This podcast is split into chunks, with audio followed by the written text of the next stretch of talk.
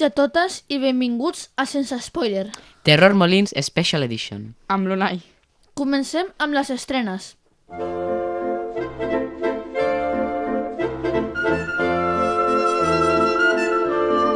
Des Black Panther, Wakanda Forever. Després de la mort del rei T'Challa, la reina Ramo Ramonda i els seus súbdits, Shuri, M'Baku, Okoi i la doctora Mirage, lluiten per protegir la seva nació amb les de les potències mundials que aprofita la debilitat de Wakanda sense Black Panther. Asbestes, una parella francesa de mitjana edat es trasllada a un petit poble amb l'objectiu d'estar més en contacte amb la natura. Però, però, la seva presència encén dos vilatans fins al punt de que les seves hospitalitats arriben a tornar-se violentes. Capitana Nova. Una experimentada pilot viatja al passat per intentar evitar un desastre ah, mediambiental que ha, que ha assolat el planeta. Desgra desgraciadament, en viatge en el temps també rejuveneix i ningú sembla perdre de debò pel seu aspecte infantil. Basil és intel·ligent, carismàtic i número 1 jugant al bridge i als escacs, però dorm al carrer des de que va arribar a Bulgària. Alfredo, un arquitecte jubilat, l'acull a casa seva durant un, durant un temps davant de la mirada atònica de la seva filla Lluïsa. Els dos homes no tenen res en comú, excepte la passió pels escacs. Tot i que les seves diferències, a poc a poc, Basil aconseguirà trencar les barreres construïdes per Alfredo i que, i que Basil té un do, transformar per sempre aquelles persones amb les que relaciona. Exorcismes. Després d'una sessió d'espiritisme, Laura Villegas es comença a comportar de manera estranya. Alarmats pel sinistre comportament de la seva filla i convençuts de que el dimoni l'ha posseït, els pares acudeixen al pare Olmedo, un dels 15 exorcistes autoritzats pel Vaticà, per intervenir en casos de posicions demoníaques. A partir d'aquí, una sèrie de fenòmens, estra fenòmens estranys començaran a embolicar els protagonistes de la història. Videojocs de poc s'estrenaran el 2023. Resident Evil 4. Si de sobreviure a l'horror horror parlem, sense dubte és el primer que se'ns ve a la ment és Resident Evil 4. L'esperat remake de Capcom ens tornarà al subgènere que va, ja va marcar tendència el 2004, i és que en els darrers anys, en pel·lícules com La Bruja o Midsommar, ha tornat a emergir, el folk horror. Gènere que combina la vida rural i tancada amb elements sobrenaturals i pagans, caracteritzada perquè un estrany apareix a la vida local i acaba sent víctima dels vilatans. Dead Space, donde nadie puede oír tus gritos. El terror espacial torna el 2023 amb el joc que indeputablement el va posar de moda, Dead Space. I no, Ah. ho, fa, I no ho farà sol, perquè el, desem, el, desem, el desembre arribarà The Castillo Protocol, de la mà del creador original de Dead Space. Aquestes odissees estan marcades per un protagonista, generalment un militar preparat, abandonant la seva sort en una nau o estació poblada de criatures inexplicables. Alone in the Dark. Allunyant dels dos gèneres anteriors, Alone in the Dark, recentment confirmat, portarà de tornada un terror més visual, elegant i narratiu, màxim exponent del terror Lovecraftara pur.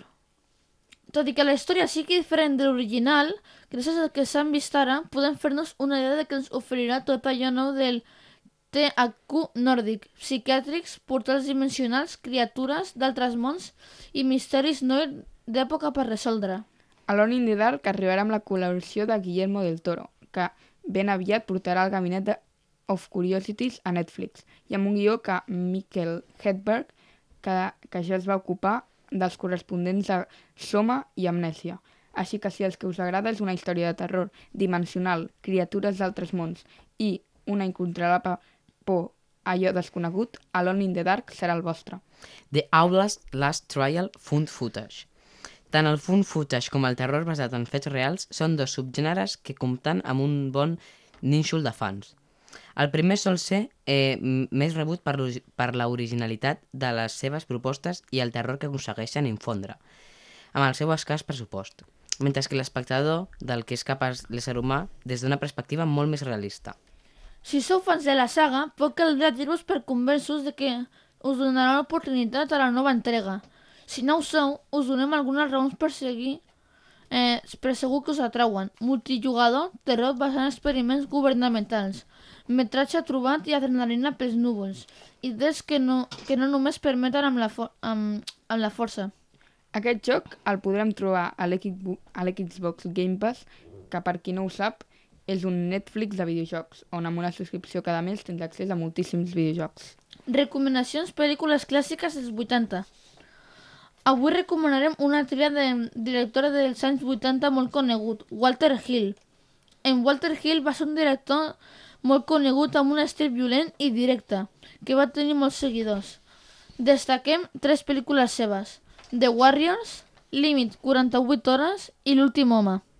En totes aquestes tres destaca l'antiheroi que ha de fer front a una situació que inicialment rebutjava però que no ha tingut més remei que encara. Totes tres, especialment la primera, són considerades pel·lícules de culte.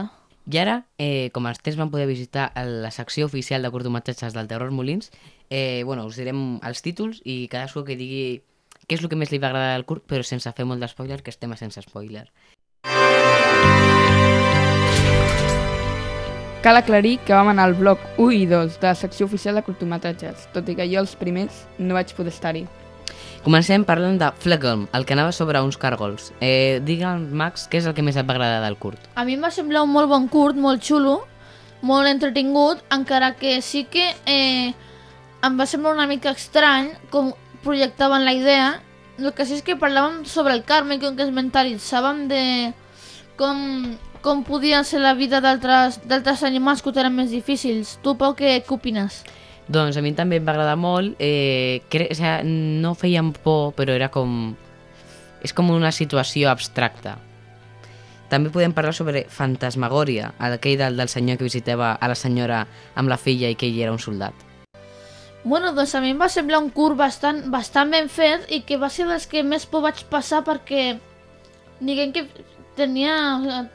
t'inculcava com por psicològica, no? Perquè, clar, estaves tota l'estona que, que si passava això, que si passava l'altre, que si ara la filla descobria una cosa i després, bueno, que ja que es barallen i tot i és, és molt, molt raro. Eh, també tenim el de la cuna, el de la senyora aquella tan estranya. Ah, sí. Bueno, aquell em va semblar una mica una mica, jo vaig sentir molta curiositat amb aquell curs, perquè ens projectaven només, la, al principi es projecta només la part de baix d'una senyora i clar, va caminant tot i escolten, escolten uns nens, no? I després ve la filla i, i clar, ja jo no us puc dir què passa perquè us arruïnaria la història, però clar, és una sorpresa molt gran i que a mi al principi em va, em va impactar bastant. És un curt molt curt. I si voleu una mica, una mica més llarg, tenim el de Amanece la noche más larga, que dels jinetes de l'apocalipsis. Ui, a mi aquest em va agradar molt, perquè crec que, per, que com que relataven una mica l'estupidesa de, de l'humà, no? Clar, i et feien com reflexionar, com, com la gent es deixava manipular i com, com, com... que era molt fàcil, no? I que... O sigui, això que era molt fàcil, que tothom com, que, com, que feia el mateix la que es deixaven influència per qualsevol cosa i feien el que, el que volen. O un que jo sé que a tu et va agradar molt, el de O, oh, el que era del forat i el del puny. Uf, a mi no, a mi, jo haig de reconèixer que, que, que era molt bon curt, aquí va ser com arribar un any, però uf, va ser un curt que a mi em va fer molta, em va semblar molt, molt, molt agobiant, perquè us faré una, una, us diré el que, el que, el que passa és que una senyora que està obsessionada amb els forats i després el que va passant doncs és molt, molt turbio molt turbio, no, no, no em va sentir molt agradable. Això sí que és terrorífic. A mi sincerament eh, crec que el curt estava bastant ben fet tot i que vaig arribar a, mig, a la mitja part. Vas veure no. la millor part una eh, bueno eh, sincerament no és que m'acabés d'agradar molt perquè era bàsicament por psicològica i al final una mica gore. Però bueno, continuem. O també tenim Seaborn, aquell del bitxo del mar que, que és un cèrvol, segons tu. Eh, a mi, sincerament, em va agradar molt, tot perquè, tot i no ensenyar, tot i no ensenyar ja, moltes coses que feien del tot por, eh, t'arribava i feia bastanta angústia. I el ser curt i, i que donava por em va agradar bastant. A mi també m'agrada bastant, encara que un, va tenir un final inesperat, no?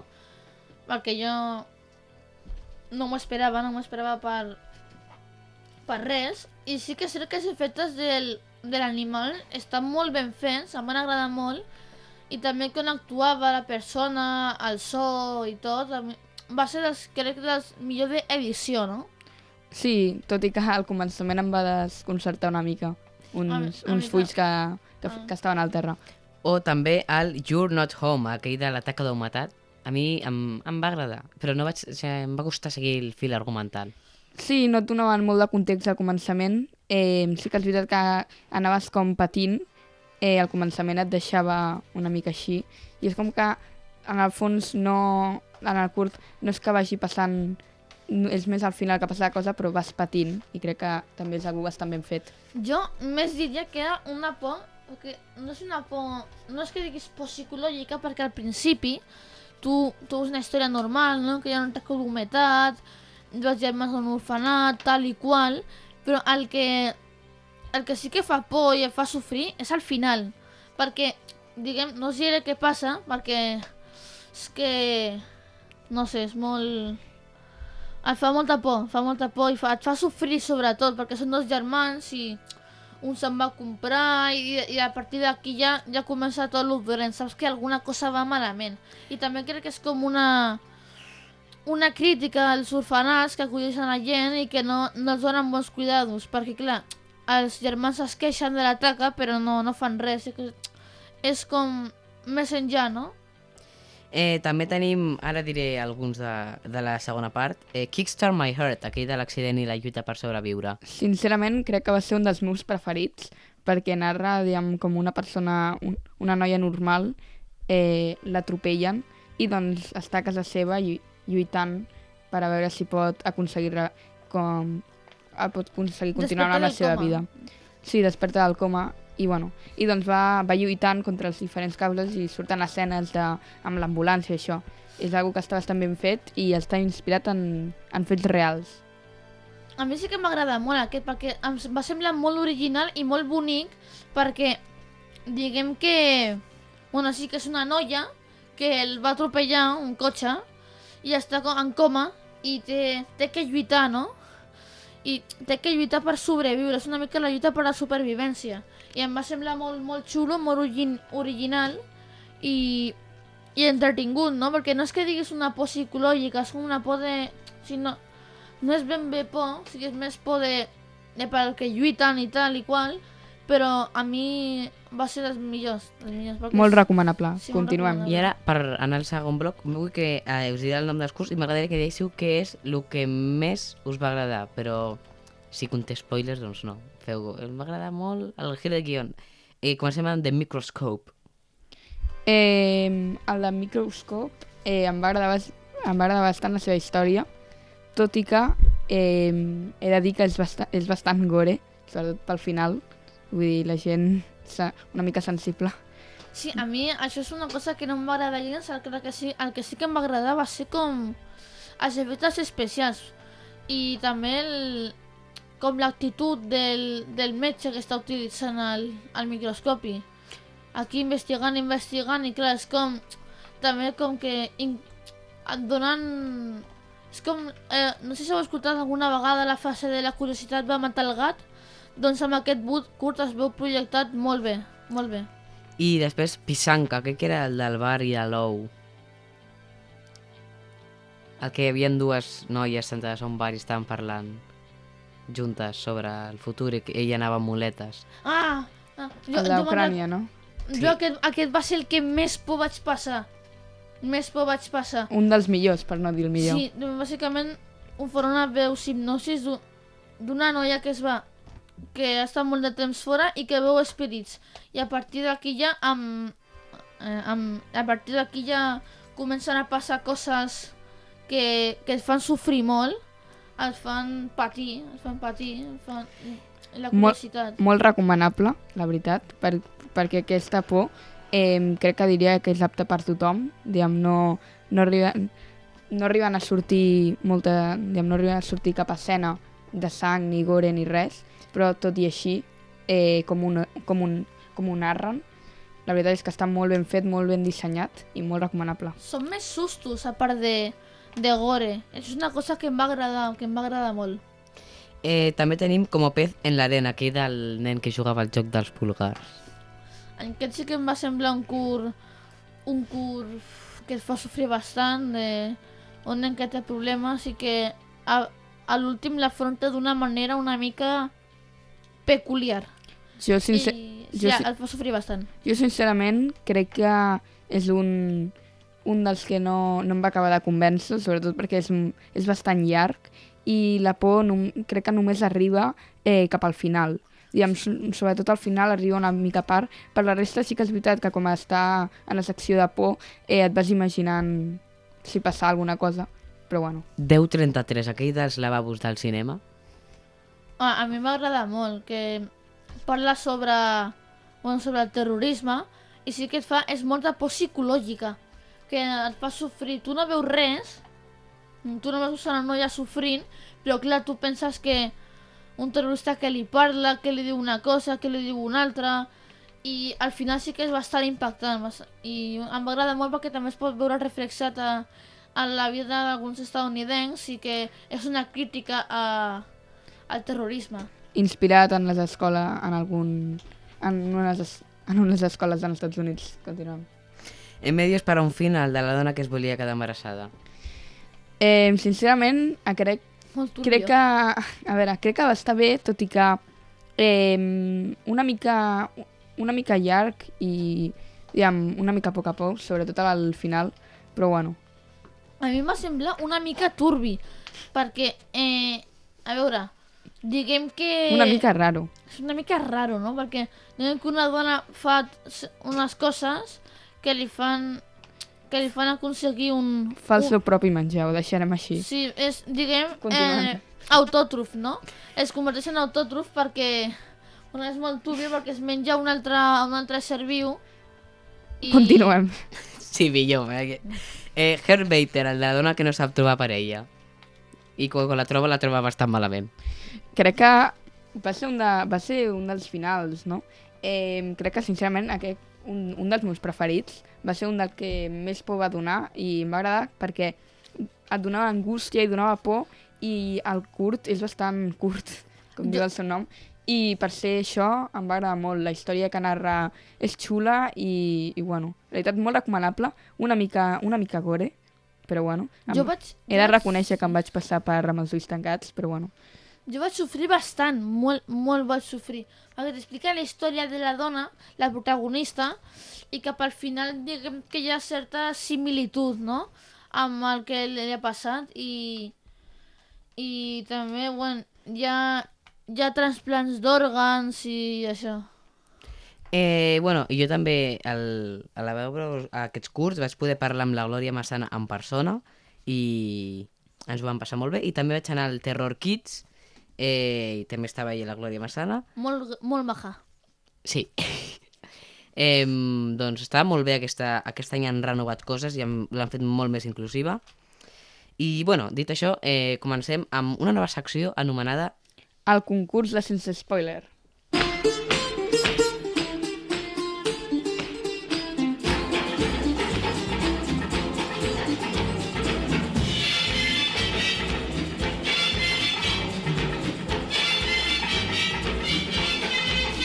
Bé, comencem amb aquest, aquesta nova secció al Sense Spoiler, en la qual els dos nostres convidats, l'Unai i el Max, hauran de lluitar, bueno, lluitar, hauran de veure qui aconsegueix més punts eh, adivinant bandes sonores de pel·lícules. Uf, no sé, no sé. Eh, primer Anem a difícil. anem a fer un test amb la C0.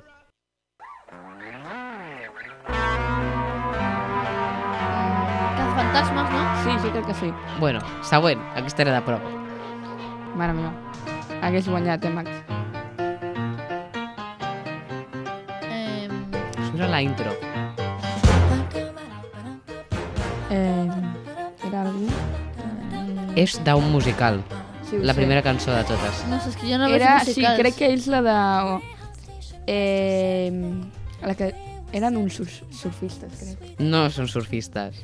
Eh, no sé. Una altra pista. Una pista Eh, sisplau. una de les cançons famoses estan, es diu Ballant sota les estrelles. És de jazz, no? Mm, No, però... És una Només pel·lícula. es dic No una serà de pista. Mario Odyssey? Lala, De Super Mario Odyssey? Surt de Super Mario Odyssey? Lala, La La Long? la pel·lícula... A la la la, això. La La Land, La la land. Another Day of Sun. Quasi, No la- quasi l'encerto.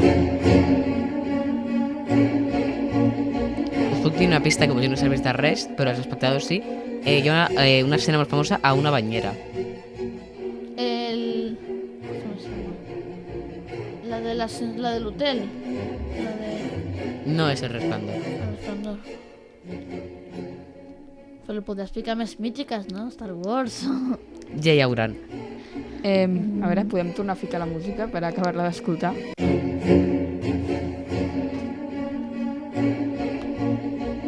El curt que vam fer es diu igual.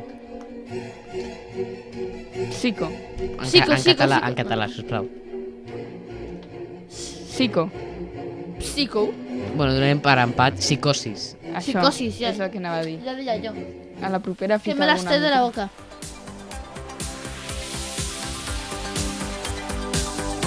Ai, la de Pixel. No. Va sortir el primer episodi. El que s'ha de el meu pare al cotxe. L'autor és Limal. Joder, Pau, però és que no... Quines cançons, no? Eh, I tracta sobre un nen que, que, re, Billy Elliot. un nen que llegeix un llibre i es transporta... Ah, la, la història interminable. Això. La Sí, història interminable. Ah, no. Aquesta. Aquesta és difícil, donarem dos punts aquí. A veure. No. A veure qui... Us donar una pista. És una pel·lícula de... de eh, la que banda sonora està feta per Danny Elfman i tracta... És que si us dic ja ho adivinareu. Eh, tracta sobre una fàbrica. La El fàbrica de xocolate. xocolata. Si em diu el títol complet, li dono el Eh, punt. Charlie de xocolata. Això ho he dit jo abans. Jo ho he dit complet, Unai. Jo, jo ho he dit abans i te m'has copiat. Aquesta és actual i és nova. Estrenada a Disney Plus, és un remake d'una pel·lícula molt antigua i és típica de Halloween. A l'episodi anterior vam nombrar moltes i... I, tra i aquesta va sortir. Eh, tracta sobre tres bruixes. I el títol original és Hocus Pocus, si me'l diu en, en castellà o en català. Us el conto per vàlid. Ucus pucus. En, cas en, això és en anglès. En, com està traduïda al castellà? Mare meva. Eh, No Pues sé, no la- sé, no, no, no. Ningú s'emporta el punt. El retorno de les brujas. això One que, way or és another. el que anava a dir. Ja sabies, no, Unai? Sí, ho sabia. Se li deixo el max perquè si no és molt fàcil guanyar-lo. Sí. És humil, no, Unai? Molt. És que no puc donar pistes perquè l'adivinareu. Espiral. Lavabo. Resplendor.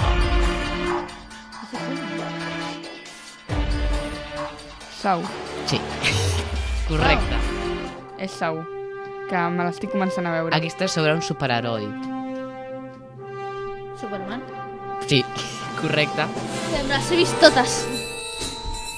Pantera, no, la broma, Pantera però Rosa. quasi, Sí, quasi, eh? correcte. Pantera Rosa, perfecte. Ai, Mare meva, el Bruno. De quina pel·lícula? De... És, és la de... No, com es diu? Espera, eh? És la de Bruno, la de... La casa... Es diu Bruno, la pel·lícula. No, la pel·lícula no es diu Bruno. Ah, la cançó perdó. es diu No se habla de Bruno. Això, la pel·lícula es deia... Que me l'he vist. No es parla de Bruno. No, No, es però la pel·lícula no es diu així, així es diu la Aquesta és la cançó. música que Eh, tracta sobre eh, una Sí, família. sé de què Està inventada a Colòmbia. Sí, ja sé de què tracta. Coco? No. És de Bruno, el protagonista. No sé qui és Bruno, no sé qui és És que Bruno. me l'he vist, però no me'n recordo. Bueno, donarem empat. Punt pels dos, Encanto. Això, ostres. Sí, encanto. Aquesta li donarem doble punt perquè és que no la sabrà ningú dels dos. Tres. A veure si algú, si algú la sap. Pot enviar una nota d'àudio al 691 438 847. I la responem a l'episodi. El següent. Va, si algú l'adivina... És que us donaré pistes, però aquesta no l'heu vist. Eh, és una pel·lícula de Steven Spielberg, la qual va inventar la categoria més 13 i hem parlat d'aquí aquí en aquest programa. Eh, i això tracta sobre uns bitxos verds que causen el caos. Gremlins? Gremlins? Correcte, el Max em porta dos punts. Quan has dit bitxos verdes he dit I aquesta és una cançó típica, l'he d'escoltar molt bé, però està trucada perquè si no l'adivinaríeu molt fàcil. És una pel·lícula nadalenca. Amb les trampes, l'Una i jo no, no podem competir. Cròniques de Nadal. Som No. legals. Quasi. És una pel·lícula eh, mm, clàssica nadalenca que Prime Video va fer un remake en animació. I jo som legals, amb les trampes no pots anar. Ja, ja. És un remix. Eh, bueno, és que us puc donar una pista. És un senyor que viu a una cova. Eh, Santa Claus, No, Papa Noel. no. Los, Però los no, Goonies? és contrari a Los Papa Goonies. Noel. Ah, vale, sé quin és. Ah, eh, El Grinch, el Grinch. El Grinch, això. correcte. Doble punt pel Max i anem a fer el recompte. Ai. La pròxima vegada... A veure. La pròxima directament. vegada no tindràs pietat, no, Unai? No. Val. Unai ha fet 4 punts. Aquí revisat. Ha fet La La Land, Psicosis, que li han donat vàlid als dos. Eh, ha fet Sau i ha fet La Pantera Rosa. El Max ha fet eh, Psicosis, que ha fet el punt amb l'Unai. Eh, Neverending Story. Eh, la fàbrica de xocolate, que a O més sigui, era doble punt. L'he dit jo, la fàbrica de xocolata. No, i- Bueno. I ell, m'ha El dit ha la... El, el títol complet. M'he el deixat l'article. Disculpi. Eh, després ha fet Superman, ha fet We Don't Tell Cabau Bruno, Sí. que l'heu fet els dos, l'heu fet els dos, per tant tu tenies 5, perdó, me l'he descuidat, 5. I el Max ha fet Gremlins, que l'hem comptat per 2, i Grinch, que l'hem comptat per 2. I quants punts Bueno. tinc? Jo Doncs, mm, eh, espera, tu con tu. El Mare Max, meva, perquè el Max té tot el doble. I, I la veritat, jo les únic, la única que faig o l'escampat que han hagut era jo, que m'he deixat un... Li has donat fàbrica de xocolata al Max, no? La No, pròxima els hem donat vegada- els dos. El Max ha tingut 11 punts. La I el Unai ha pròxima tingut no em 5. deixaràs guanyar a Unai? No, La prox- prox... el pròxim episodi no deixarà guanyar. I bé... La doncs, pròxima i... dona-li els punts directament, perquè amb aquesta robada... Ala, ala. Ja farem el desempat. El Però bueno. desempat de sense spoiler. Eh, Ja i, continuarem. Bueno, I última part, eh, per acabar comencem amb La màquina del temps. Primer de tot tenim a Carrie, que és l'adaptació de la primera novel·la de Stephen King, en la que una jove amb poders de telequinèsia, que es diu Carrie, és objectiu del bullying mal- i maltractaments a l'escola. La jove, no obstant, se, se li esgota la paci...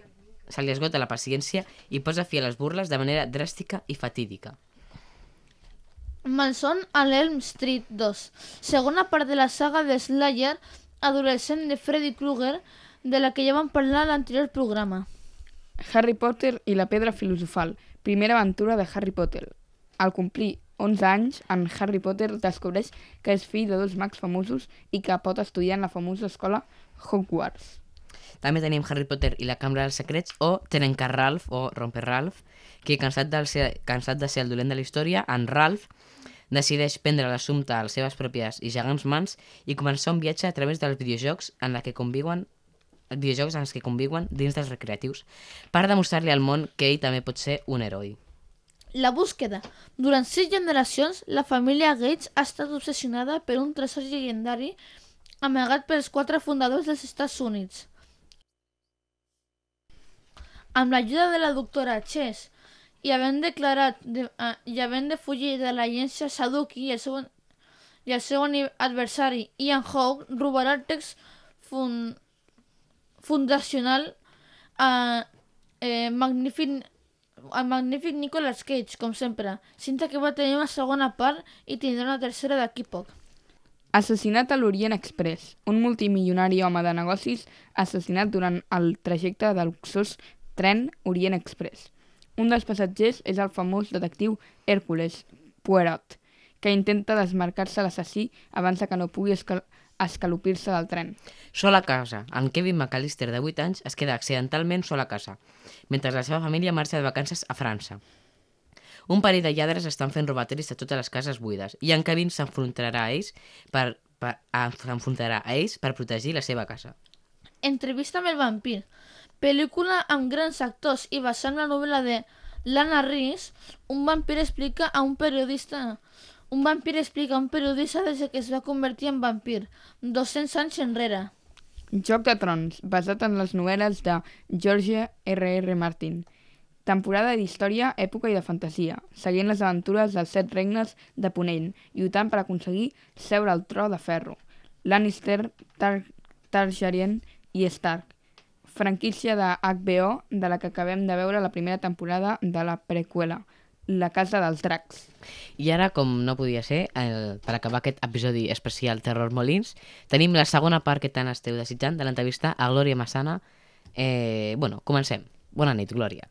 Eh, ens podries dir quines són les teves cinc pel·lícules preferides i les que ens recomanes pel Terror Molins? A veure, les cinc recomanacions. Um, doncs, a veure, eh, la primera recomanació no pot ser d'una altra manera, eh, ja que estem en, en l'any dels musicals, doncs us recomano, com no, eh, The, Horri de, de Rocky Horror Picture Show, evidentment, amb espectacle inclòs, aquesta no us la podeu perdre. Eh, després, per exemple, dins de, de la, el que seria el Dia del Cinema Català, que, que el que vol és posar en, posar en, el, en el focus tot el cinema eh, de gènere produït a Catalunya, doncs, per exemple, us recomano l'estrena la, la, doncs, de la pel·lícula Ave Maria, que és una pel·lícula feta, a més a més, per la Universitat Pompeu Fabra, que serà una estrena total a Molins de Rei i que em penso doncs, que cal posar en valor també el cinema, el cinema de gènere català. No? Eh, després, com a més internacionals, doncs evidentment, eh, com no, doncs aquesta, aquesta inauguració, no? que és, és Matt Heidi, que és una pel·lícula doncs, que ha tingut molt, molt, molt d'èxit per tots els festivals que ha passat, és una de les pel·lícules més esperades i és una pel·lícula que a més a més no es va poder veure a Sitges, és a dir, que la tenim, la tenim com, a, com, a estrena, com a estrena a Catalunya. Terrifier 2, us la dic també, en certa manera, perquè és aquesta pel·li que, si seguiu una mica doncs, la, la, la premsa, doncs, està creant tantíssima polèmica perquè hi ha desmais, hi ha, doncs, va acompanyada de, bastant de, de bastanta polèmica eh, als mitjans de comunicació. No? I després també doncs, hipocondríac, per exemple, o pel·lícules, clar, ara ja, ja, ja he dit cinc, no? però després tampoc no em voldria deixar pel·lícules que han estat molt premiades, com per exemple Project Wolf Hunting, Dead Stream, Salum, Salava, una pel·lícula d'animació també, ja m'he passat, oi m'has dit cinc i m'he passat, però una pel·lícula d'animació, per exemple, que segurament acabarà, acabarà als Goya, que és Unicorns, que també doncs, doncs, us la recomano moltíssima moltíssim. A veure... També una gran dubte que jo tinc és com aconseguiu les pel·lícules pel Terror Molins? Doncs les pel·lícules ens arriben per, per tres vies, de fet. Eh, una de les vies, evidentment, és plataformes. Tenim plataformes en les que doncs, la gent tenim un període de, un, de, doncs, de, on es poden presentar les pel·lícules, els llargmetratges, d'aquí doncs, aquesta és una, una, una part important de la selecció. Després, una altra, una altra mm, part important de la selecció és el Mercat de Cinema de Cants. Aquest mercat que se celebra al maig és un dels més importants de cinema i aquí és on es presenten gairebé totes les, totes les novetats que hi haurà en el que seria el segon, al segon, a l'últim trimestre de l'any. No? Aquí és on realment els nostres programadors poden veure moltíssimes, poden veure eh, en, en, doncs, en, en preestrena moltíssimes pel·lícules doncs, que s'acabaran eh, editant el, per la tardor. No? I després també, doncs, evidentment, eh, buscant, preguntant, i recomanacions doncs, de gent, doncs, de gent que, doncs, que coneix el festival i que doncs, eh, sap d'alguna pel·lícula i doncs eh, et, et, et dona com, com, la, com el, entre cometes, el xivatazo, no? de dir, ei, aquesta pel·lícula, he vist aquesta pel·lícula, és molt interessant i jo crec que pot encaixar molt bé en el vostre festival. Així com, com, molt, com molt resum, aquestes serien les tres vies més importants. Després, eh, teniu pensat que tornin les sessions presencials d'instituts, aquestes que feu eh, doncs, pues, instituts alumnes de batxillerat? Doncs sí, efectivament, el, evidentment l'any de la pandèmia es va fer la mostra per instituts, de curtmetratges per instituts, es va fer, es, es va dir, es va enviar a les aules, es va, es va fer online. Uh, L'any passat també la vàrem tornar a fer online per un, per un motiu logístic, és a dir, malgrat que ja, vam, ja vàrem poder fer el festival uh, presencial, era un moment en el que la normativa dels centres encara no permetia, um, no permetia juntar grups que no fossin els grups aula i això ens impossibilitava moltíssim l'experiència que per nosaltres és um, la sessió uh, per instituts de curtmetratges, que una de les parts més boniques és també a l'ajuntar eh, gent de diferents, de diferents centres. No? Però enguany, enguany sí que la hem pogut recuperar i enguany la farem el dilluns. El dilluns 7 de novembre tenim la sessió de curtmetratges per instituts i el dimecres eh, 9 de novembre també tenim una xerrada, sempre combinem, tenim, ofertem dues activitats, una que és la visualització de curtmetratges i l'altra que és una xerrada més des del punt de vista pedagògic eh, al voltant més del llenguatge audiovisual i en aquest cas la xerrada d'enguany serà sobre eh, el cinema de gènere i, el, i, la, i, i, el, i les dones, no? és a dir, els estereotips eh, femenins al cinema, al cinema de gènere. Eh, també, una cosa que m'agradaria preguntar-te, eh, quina és la teva edició preferida del Terror Molins i per què? Ostres, eh, em costa una mica la pregunta, em costa una mica. Eh, estic amb el cor robat entre vàries. De fet, eh, la, Recordo, recordo evidentment, la, la 35ena, com, com tu dius, per mi també va ser doncs, una, una, una edició bonica. A més a més, també va ser una edició en la que jo em vaig involucrar molt més eh, seriosament amb el festival, o sigui que això també, això també ajuda. Després recordo, eh, recordo eh, també com a una edició molt bonica, una que vàrem dedicar al director Brian De Palma, perquè a més a més vàrem tenir una exposició eh, molt, molt bonica i, i un llibre, a més a més és un director que, que, doncs, que m'agrada i que vaig aprendre i que vaig descobrir també a través del festival, aquesta m'agrada molt. Després, sóc incapaç eh, de, de, de resumir-te Eh, després també eh, recordo molt especialment la de la mirada surrealista, va ser una edició també eh, sobre David Lynch i altres directors del, del surrealisme i el cinema de terror que també em va semblar eh, interessantíssima i que, i que la vaig gaudir especialment. I com no, l'edició XL, l'edició de l'any passat, eh, va ser una edició molt, molt superlativa. També va ser una edició eh, molt, molt especial, també molt especial perquè veníem d'un festival que no vàrem poder eh, gaudir presencialment i va ser una, una edició que, que tots teníem moltíssimes ganes de, de, de gaudir-la, encara que fos amb, amb mascaretes i amb distància de seguretat, no? però que també la recordo especial. És a dir, que en recordo quatre. No et puc dir una, no et puc dir una. Eh, com va ser tornar després de la pandèmia al Terror Molins? Jo crec que la pandèmia eh, amb, a, al festival li va suposar una mica eh, el que potser eh, va suposar també a, a totes les persones i a totes les famílies a un nivell doncs, més, més íntim. Uh, això vol dir que ens va permetre, eh, ens va sacsejar, uh, perquè en, a nosaltres, a més a més, recordo que, que se'ns va, és a dir, ens, se'ns va clausurar totalment la presencialitat a una setmana vista del, del festival i això, això va, ser, va ser un xoc, tot i que és veritat que tota l'edició la vàrem estar treballant, contemplant diferents escenaris, vam arribar a contemplar fins i tot tres escenaris diferents, al final es va complir el més eh, el més eh, pessimista possible, que era el no poder fer res presencial. Ens va sacsejar, com et deia, però també, com abans et comentava una mica amb el tema de filming, també ens va, ens va suposar un repte. Jo crec que ens va suposar el fet aquest de descobrir aquesta, aquest festival en línia que ens obria a altres públics, que ens, ens trencava fronteres geogràfiques. Això també ens va ser, ens, crec que ens va ser, ens va ser interessants i jo crec que ens va, ens va sacsejar, com et deia, però també a la veritat ens va, ens va, ens va fer demostrar doncs, que ens podíem reinventar, que ens podíem adaptar, que som molt resilients i que eh, ens va reafirmar també, t'haig de dir, en, en, el, en el compromís i en la il·lusió i amb aquell punt que és eh, insubstituïble, que és, és aquesta experiència viscuda, aquesta experiència viscuda real, no? i viscuda, a més a més, amb companyia d'altres persones.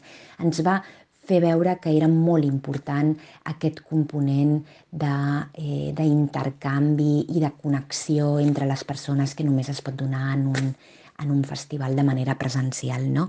O sigui que jo crec que ens va, ens va, bé, ens va, ens va servir moltíssim. Va ser una experiència traumàtica, però que a la vegada ens va fer créixer.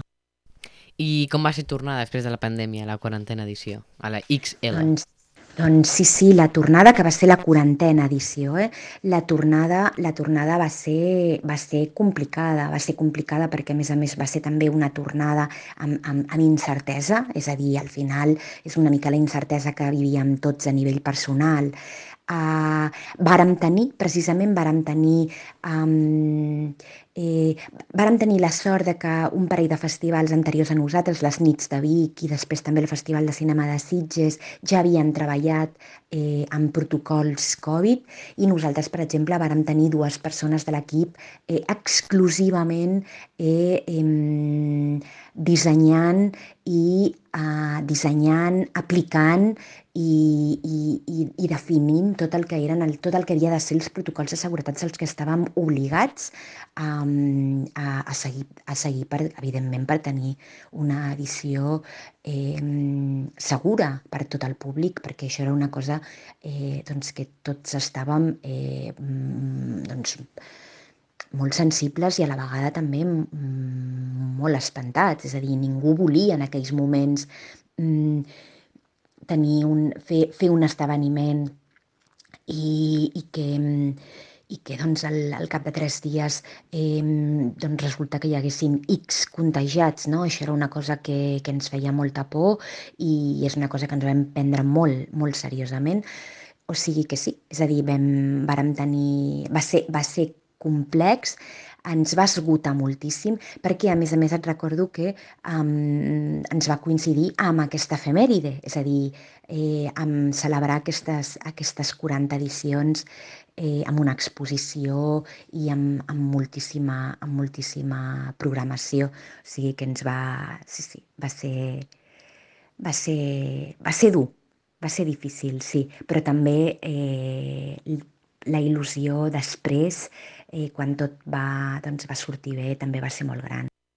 I teniu també pensat fer com un terror young entre quan acaba el terror kids i comença el terror molins? Doncs, doncs no, no ens ho havíem plantejat fins ara, però vaja, eh, jo d'avui surto amb la llibreta de les idees eh, i dels deures, però sobretot de les idees, eh, surto amb la llibreta molt plena i m'ho apunto i, i perquè és, és, em sembla una proposta molt interessant que no, no, no ens havíem plantejat fins ara. Bé, jo crec que ara eh, doncs també no em toca res més que dir-te que eh, eh, crec que quan acabem el programa parlarem tu i jo, perquè em sembla que eh, et fitxarem, és a dir, jo ja et fitxo, a partir d'ara mateix et fitxo et fitxo pel, pel Terror Molins, perquè és, és, és, sí que és cert que ens hem plantejat moltíssim què fer amb aquest públic precisament de 14 a 18 anys, que és un públic doncs, que eh, pot pot assistir doncs, a, a molt poques sessions, perquè el tema de l'edat i més amb el cinema de, de terror doncs, és, és, un tema, és un tema sensible. Hi ha moltíssimes pel·lícules de cinema de terror que són a partir de 16 anys, però després a partir de 14 ja no hi ha, tan, ja no hi ha tanta oferta. Eh, ja, a vegades són pel·lícules molt més familiars, no? però sí que amb aquest, amb aquest terror young, que m'agrada el concepte, eh, sí que és veritat que hem reflexionat moltíssimes vegades eh, com ens hi podem apropar. I tenim molt clar que, que hem, de, hem de donar, hem de, és, és un públic, és un target que, que, doncs que no els hi podem oferir eh, molta, molta oferta, molta programació del festival. I, i sí que ho hem plantejat però encara no, no, no hi hem posat fil a l'agulla, o sigui que també m'apunto, m'apunto, m'apunto més deures. I, I seria això, eh? L'edat, com et deia, seria dels 14 als 18 anys, que és, és aquesta edat, perquè podríem dir que fins als 12, 12, 13 hi entraria aquest terror kids, però a partir dels sí, dels 13, 14, a partir de, de, de primer de l'ESO, perquè ens entenguem, eh, doncs fins a quart de l'ESO és un públic que, que sí, hem de, hem de mirar com, hem de mirar com introduir-lo al, al terror Molins. Doncs bé, Glòria, eh, per, ja per acabar, eh, on us poden trobar les persones que estiguin escoltant aquesta entrevista? Doncs, doncs sí, la gent ens pot trobar eh, a, a la web, a la nostra web, molinsfilmfestival.com, um, ens pot trobar, doncs, si subscriu a la newsletter del festival també, ens pot trobar a les xarxes, a Instagram, a Twitter, a Facebook. També eh, a partir d'ara eh, us ho dic us ho dic amb, amb total primícia, això és una primícia que, que us don a, en el vostre programa, perquè encara no ho hem anunciat, de fet ho anunciarem a la roda de premsa eh, del festival, i és que enguany tindrem una, una app que farà doncs, molt més eh, senzill el fet de eh, consultar què s'està fent al festival, tenir l'agenda d'activitats al festival, poder comprar les entrades des de, des del, doncs des de la, des de l'aplicació. La, I ja per últim, per acabar, eh, doncs, moltes gràcies per l'entrevista, Glòria. Eh, ens ho hem passat molt bé, espero que tu igual. Jo ja tinc les meves entrades pel Terror Molins i, bueno, adeu.